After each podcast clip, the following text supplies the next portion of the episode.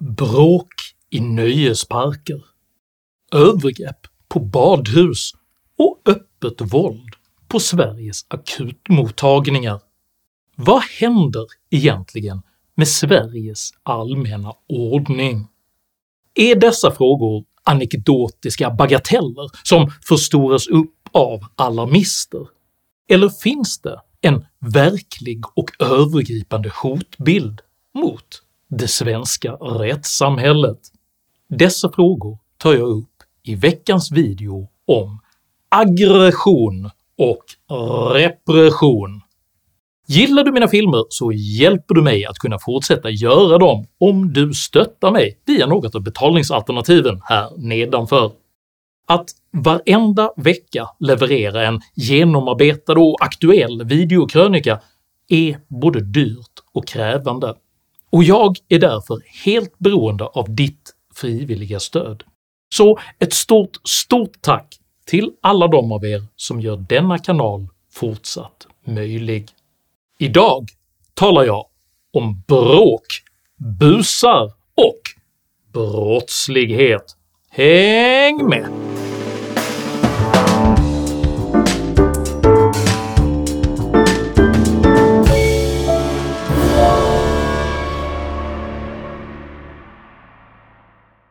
Science fiction-karaktären Judge Dredd uttrycker ett havererande samhälles reaktion på skenande kriminalitet.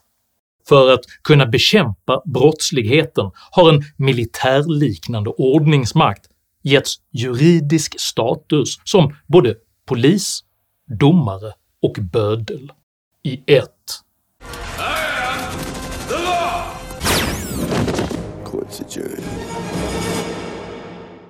Bakom denna svarta komedis dystopiska satir döljer sig dock ett högst verkligt dilemma, vilket beskriver hur laglydiga medborgares rättigheter urholkas av såväl brottslighet som av en allt mer repressiv rättsordning. Den är repressiv, det vill säga man vill gå väldigt hårt fram. Hårdare och snabbare helt enkelt. Oavsett om man föredrar hårt och snabbt eller mjukt och ömsint så ansätts Sverige just nu av en unikt skenande våldsbrottslighet som inte längre kan döljas bakom förskönande omskrivningar, relativiseringar eller förnekelse. Fyra pojkar i 15-årsåldern har skadats under ett knivbråk på en friluftsdag. Och vi börjar med uppgifterna om att två personer ska ha skjutits i Askim i Göteborg. Tre tonåringar har gripits misstänkta för försök till mord. Två av dem är 17 år, den tredje 15 år gammal. Flera av de misstänkta är bara 14-15 år. De tre tonåringar som igår greps misstänkta för försök till mord på totalt fem unga personer har efter förhör idag släppts på fri fot. Länge avfärdades denna eskalerande våldsbrottslighet som isolerad till den kriminella periferin, men det dödliga våldet förekommer nu allt oftare på platser där oskyldiga människor drabbas. Omkring hälften av årets dödsskjutningar har inträffat på allmänna platser och vid tider då många människor är i rörelse. Eskilstuna vid 15.30 Landskrona vid 18.30 och Borlänge vid 19-tiden. Det här är bara några av platserna där det har skett en dödsskjutning i år. En skottskadad man hittas i bostadsområdet vid lunchtid. Eller här i Dalen i januari då en man blir beskjuten mitt bland bostäderna. Klockan var strax efter tre på eftermiddagen som vi ser här från skjutningen i Hagalund för ett par dagar sedan. Förbipasserande försöker hjälpa den skadade mannen som även är misstänkt för att ha skjutit ihjäl en man som ligger bara några meter utanför bild. Och kort efter skjutningen syns den skottskadade mannen bli misshandlad. Både polismästare Karin Götblad och justitieminister Gunnar Strömmer är nu överens om att Sveriges unika våldsbrottslighet har gjort landets kriminalpolitik både omodern och verkningslös. Att den 15-årsgräns som vi har är tillkommen i en annan tid och en annan verklighet. Vi behöver alla bli mer medvetna om att vi har en situation som vi inte är så att säga byggda för i samhället och inte lagstiftningsmässigt. Det samhälle vi hade och som vi har lagar för och arbetsmetoder kan man säga myndigheterna, det finns inte längre. Regeringens ambition att stärka rättssystemet för att bekämpa våldshotet möter dock starkt juridiskt, moraliskt och medialt motstånd. Och justitieministern öppnar nu för att sänka straffmyndighetsåldern så långt ner som till 12 år. Men kriminologer som vi har talat med menar att det saknas stöd för att det skulle leda till att brottsligheten bland unga minskar. Tycker du att du ser tillräckligt mycket av förebyggande åtgärder? Absolut inte. Advokatsamfundet eh, säger nej till nästan allt. Och regeringens uppfattning är att de här förändringarna behövs för att det har blivit så extremt i Sverige. Delar du inte mm. den bilden? Vad vill ni göra? Men framför allt så måste man ju jobba verkligen förebyggande och socialt också. Samtidigt har just socioekonomiska utjämningsstrategier, lågaffektivt bemötande och problemförnekelse maskerad som tolerans helt dominerat Sveriges hantering av antisocialt beteende under många decennier. Alla försök att problematisera eller ens komplettera denna socioekonomiska verklighetsbeskrivning har ihärdigt bekämpats genom karaktärsmord, misstänkliggöranden och deplattformeringar.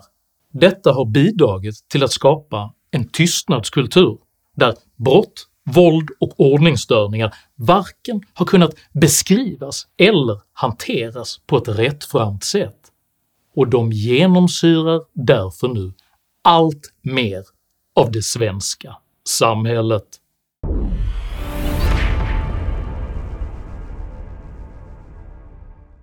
Göteborgs nöjespark Liseberg tvingades bara dagar efter årets öppnande att dra in rekordmånga årskort på grund av brott, våld och ordningsstörningar. Enligt incidentrapporter som Aftonbladet tagit del av har ett stort antal besökare försökt tränga sig före i köerna smält smällare och kastat sten ifrån åkattraktionerna. Föräldrarna till de 14-åriga barnen kontaktas. Ingen av föräldrarna möter upp. Ja, det har inte hunnit gå mer än en månad sedan Liseberg slog upp portarna för säsongen. Men redan har 50 personer fått sina årskort indragna. Detta efter att man uppmärksammat ett ökande antal personer som brutit mot parkens ordningsregler. Sedan premiären den 22 april har ett stort antal ungdomar fått sina årskort eller guldpass spärrade efter att de misskött sig eller brutit mot parkens ordningsregler. Vi ser en generell ökning på att det varit stökigare än tidigare år i parken. Det handlar framförallt om guldpass som vi fått dra in och siffran är högre än tidigare år. Anledningen till det ökande antalet ordningsstörningar sägs vara okänt, men Nöjesparkens kommunikationschef Mårten Westlund spekulerar att somliga besökare kanske inte lärt sig att köa. Men på frågan varför stöket har ökat på Liseberg har man svårt att svara. Vi vet inte helt säkert. Eh, det har varit dagar när vi har haft eh, mycket besökare, det har varit varmt, det blir eh, en hel del köer. Eh, då blir folk frustrerade och eh, man kanske är ovan vid att köa. Vi har en generation som inte riktigt har lärt sig att köa och då eh, hoppar man över köfållen och tycker inte att det är en stor grej. Sveriges Radio väljer att problematisera denna bild genom att lyfta fram en ung pojke som menar sig ha dömts orättvist och felaktigt. En av dem som fått sitt årskort spärrat en kort tid är 13-årige Hamoudi. Jag var i lokledet, det var några som stod där, de skojbråkade. När ordningsvakterna tog oss så känns det lite dåligt för det har aldrig hänt så här med mig. I Lisebergs incidentrapport så menar de på att du var med i ett gäng som stängde av en rulltrappa. Jag vet inte om det med rulltrappan, för jag stängde inte av rulltrappan. Och även om han upplever att det har varit skojbråk så är det ganska ofta att individer runt omkring inte alls upplever det här som skojbråk utan eh, som ganska obehagligt. Även Stockholms nöjespark Gröna Lund har under flera år kritiserats för återkommande ordningsstörningar Redan 2014 greps två personer i samband med ett gängslagsmål och nyligen briserade en hätsk debatt rörande parkens säkerhetsrutiner. Och sen så påkallar du personal. hur upplevde du att, den, eh, att det bemötandet var? Jag påkallade deras uppmärksamhet och berättade att eh, killarna hade trängt sig. Och då sa de att det eh, var bra att du berättade det för oss, vi ska fixa det. Eh, Så blev jag då förvånad när killarna fick fortsätta i kön. De eh, är mer aggressiva nu när de söker konflikt med mig. De eh, anklagar mig för att ha rasistiska motiv och de är arga för att jag har skvallrat till personalen. Och jag upplever att det blir otryggt, lite hotfullt och det upplever också barnen. Den samlade vänstern avfärdade mycket, mycket snabbt dessa incidenter som anekdotiska bagateller där tidningen Arbetets kulturredaktör Johannes Klenell betraktade det hela som irrelevant sensationalism. En enskild pappa som hade en enskild upplevelse. I slutändan stod jag bara där med ett gäng tonårskillar som hade trängt sig i en kö. Och jag kunde inte riktigt förstå hur det kunde bli en riksnyhet. På liknande sätt bagatelliserade den folkkäre popmusikern Niklas Strömstedt ordningsstörningarna genom att jämföra dem med 1970-talets nostalgiskimrande raggarslagsmål, för att två dagar senare ställa krav på identifikation och avstängning av fotbollshuliganer. Just denna typ av avfärdanden, relativiseringar och dubbla måttstockar är exempel på det samhällsklimat som under många, många år förhindrat en konstruktiv diskussion om Sveriges växande ordningsproblem.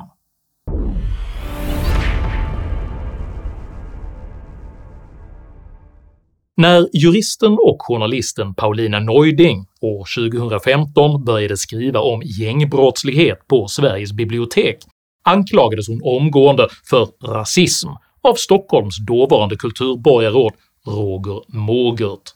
Du har ju skrivit under en lång tid om problemen på biblioteken. Vad menar du är huvudorsaken? I de fall när problemen gått helt överstyr, alltså när man blivit tvungen att stänga på vissa tider som här i Bredäng, då har det huvudsakligen handlat om ungdomsgäng. Du har ju då anklagat borgerliga skribenter som Paulina Neuding för att egentligen ha främlings... Det ska lite främlingsfientlighet och klassförakt jag har sagt att det finns en främlingsfientlig underton i den här debatten. Det är fokus alltid på förort och på invandrarkillar. Jag känner till fem bibliotek i Sverige i stort, sex faktiskt, som har fått stänga det här året på vissa tider. I samtliga fall handlar det om ungdomsgäng i och eller i anslutning till eh, utanförskapsområdet. Ni hjälper oss att köra fast i, i en gammal vilka syn på biblioteken. Vilka hjälper er att köra fast? Framförallt de, de som idag har drivit den här diskussionen kring, som jag uppfattar det, kring de tysta biblioteken. Att det ska vara liksom en, en tysthetsnorm. På liknande sätt har många länge försökt tona ner bråk i simhallar och badhus genom att införa könssegregerade badtider någonting man i Sveriges Televisions nyheter underströk inte bara hade med religion att göra. Denna rapportering har följts av en eskalerande serie övergrepp och våldsdåd i just simhallar och badhus. 2016 rapporterade Dala-Demokraten om kulturkrockar, språkproblem och ofredanden på badhuset Metropolen i Avesta. 2017 uppgavs ett ungdomsgäng ha tvingat fram en stängning av simhallen i Bro efter att ordningen inte längre kunde upprätthållas. 2018 tillkallades polis efter att fyra män misshandlats vid Rosenlundsbadhuset i Jönköping. 2019 larmades polis till Lundbybadet i Göteborg efter att slagsmål utbrutit mellan flera personer. Ingen anmälan gjordes eftersom ingen ville vittna. 2020 publicerar så Brottsförebyggande rådet rapporten “Simhallar och bibliotek – en kartläggning av brott och ordningsstörningar” vilken visar att samtliga undersökta bibliotek och majoriteten av Sveriges simhallar nu utsätts för brott och ordningsstörningar. Samtliga 39 intervjuade huvudbibliotek uppger att det har förekommit brott och ordningsstörningar under de senaste 12 månaderna. De flesta simhallar uppger att det har förekommit brott och ordningsstörningar i någon form under det senaste året. Brottsförebyggande rådet sammanfattar denna brottsutveckling med orden att det åtminstone delvis är samma personer som återkommande ligger bakom händelserna. Sammantaget innebär det att det i alla fall delvis finns förutsättningar för att tillämpa ett tillträdesförbud på simhallar och bibliotek. 2021 klubbar så Sveriges riksdag lagen om tillträdesförbud till butiker, badanläggningar och bibliotek, vilken bland annat stipulerar Enligt denna lag får en person förbjudas att få tillträde till och vistas i en butik, en badanläggning eller ett bibliotek där verksamhet bedrivs som riktar sig till allmänheten. Tillträdesförbud får inte avse den som är under 15 år. Ändå fortsätter övergreppen. I juli 2022 utbryter storslagsmål vid Askimsbadet i Göteborg där ett 50-tal personer är inblandade. I augusti samma år ofredas en 11-årig flicka sexuellt på Högevallsbadet i Lund och efter att ha anmält händelsen misshandlas flickans far. En 11-årig flicka ska ha fått sina bikinibyxor neddragna av ett par pojkar. Föräldrarna kontaktade polisen som sedan avvisade pojkarna från badhuset. När flickans familj sen kom gående på den här gatan några hundra meter ifrån badhuset så berättar de att en bil kom körandes mot dem i hög hastighet. Bilen stannade och två män hoppade ur, varav den ena sa sig vara storebror till en av de avvisade pojkarna från badhuset.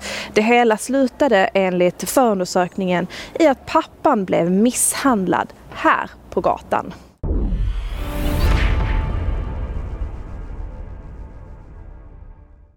Enligt Svensk Handels trygghetsbarometer blir även svenska handlare allt mer brottsutsatta. Redan 2018 rapporterade ICA-handlaren Mikael Ovrell i Kortedala att han efter återkommande stölder, hot och våld givits rådet “Jag förstår att du har problem, men min rekommendation är att sälja verksamheten, för vi kan inte hjälpa dig inom rättsväsendet”. Denna utveckling har fortsatt att skena så till den milda grad att allt fler svenska livsmedelsbutiker har slutat att anmäla brott och istället börjat anpassa sitt varuutbud för att förhindra dyrbara stölder. Det är så oerhört tragiskt nu att i Sverige har det blivit normaliserat att jag inte kan ha fint nötkött i mina diskar.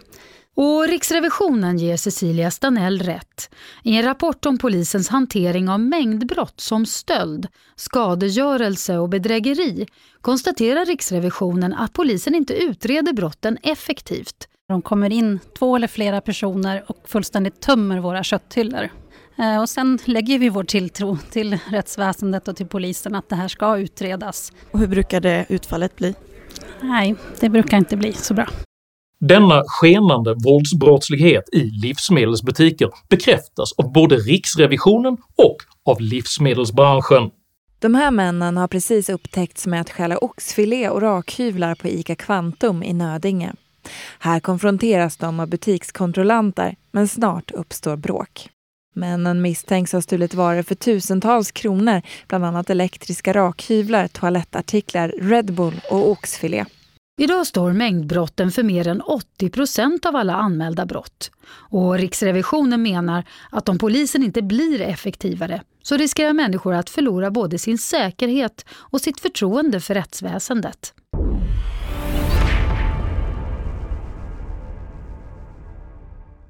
I entrén till Huddinge barnakut sitter sedan en tid tillbaka en skylt med texten “Tillmälen svordomar och oförskämdheter accepteras inte.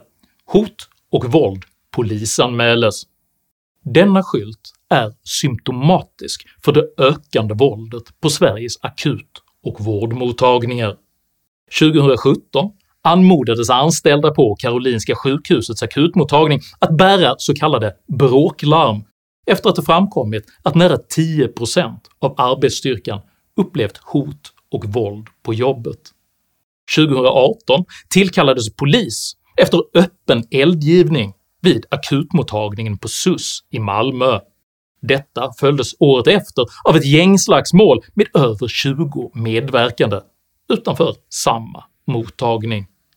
Nyligen tvingades även universitetssjukhuset i Lund att gå upp i stabsläge i samband med ett storbråk vid dess akutmottagning. Bilder visar när ett av flera jättebråk i centrala Lund utbröt under måndagsmorgonen. Senare kom också uppgifter om att ett nytt bråk brutit ut vid sjukhuset i Lund med 50-60 personer inblandade enligt TV4. Två grupperingar kan kopplas till alla tre bråk och det ska alltså finnas skadade från båda sidor inne på sjukhuset.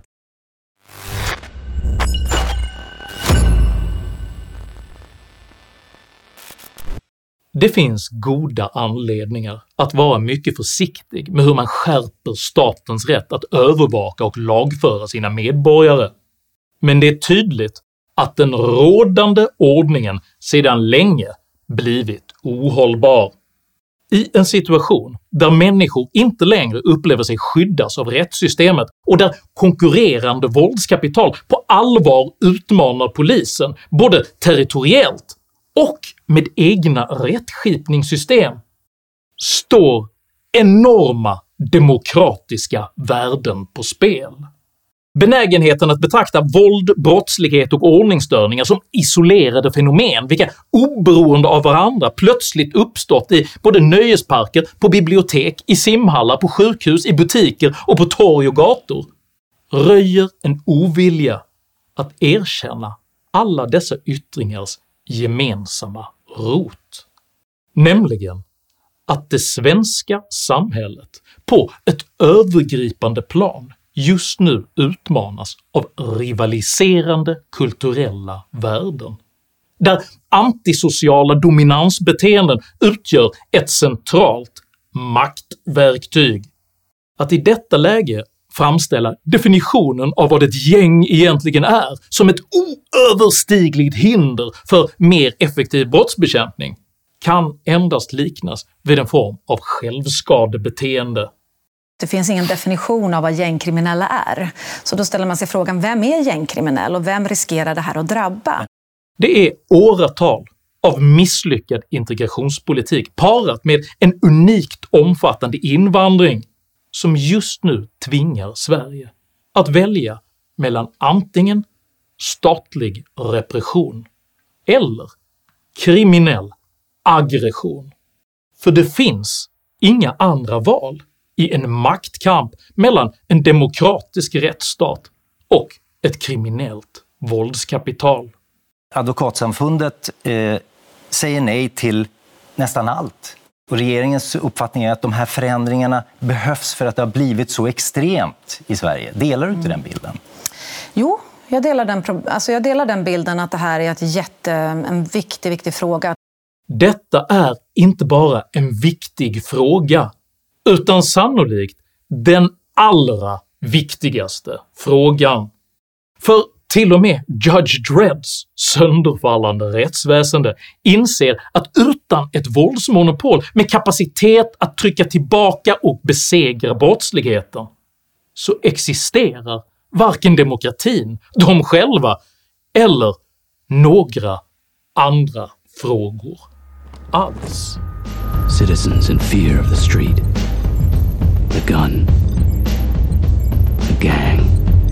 council tried to play God once before. If this wholesale slaughter of judges continues, there won't be a council. Om du uppskattade innehållet i denna video så hjälper det mycket om du delar den med dina vänner och kanske till och med stöttar mitt arbete via något av betalningsalternativen här nedanför. Dela även gärna med dig av dina egna åsikter och erfarenheter i kommentarsfältet här nedanför, men jag ber dig att alltid vara artig. Jag accepterar inte aggression, personpåhopp eller rasism i mina idédrivna kommentarsfält. Tack för att du som kommenterar respekterar detta. Jag heter Henrik Jönsson och jag betraktar ett mått av statlig repression som ett mindre ont än storskalig kriminell aggression. För mig och tack för att du har lyssnat.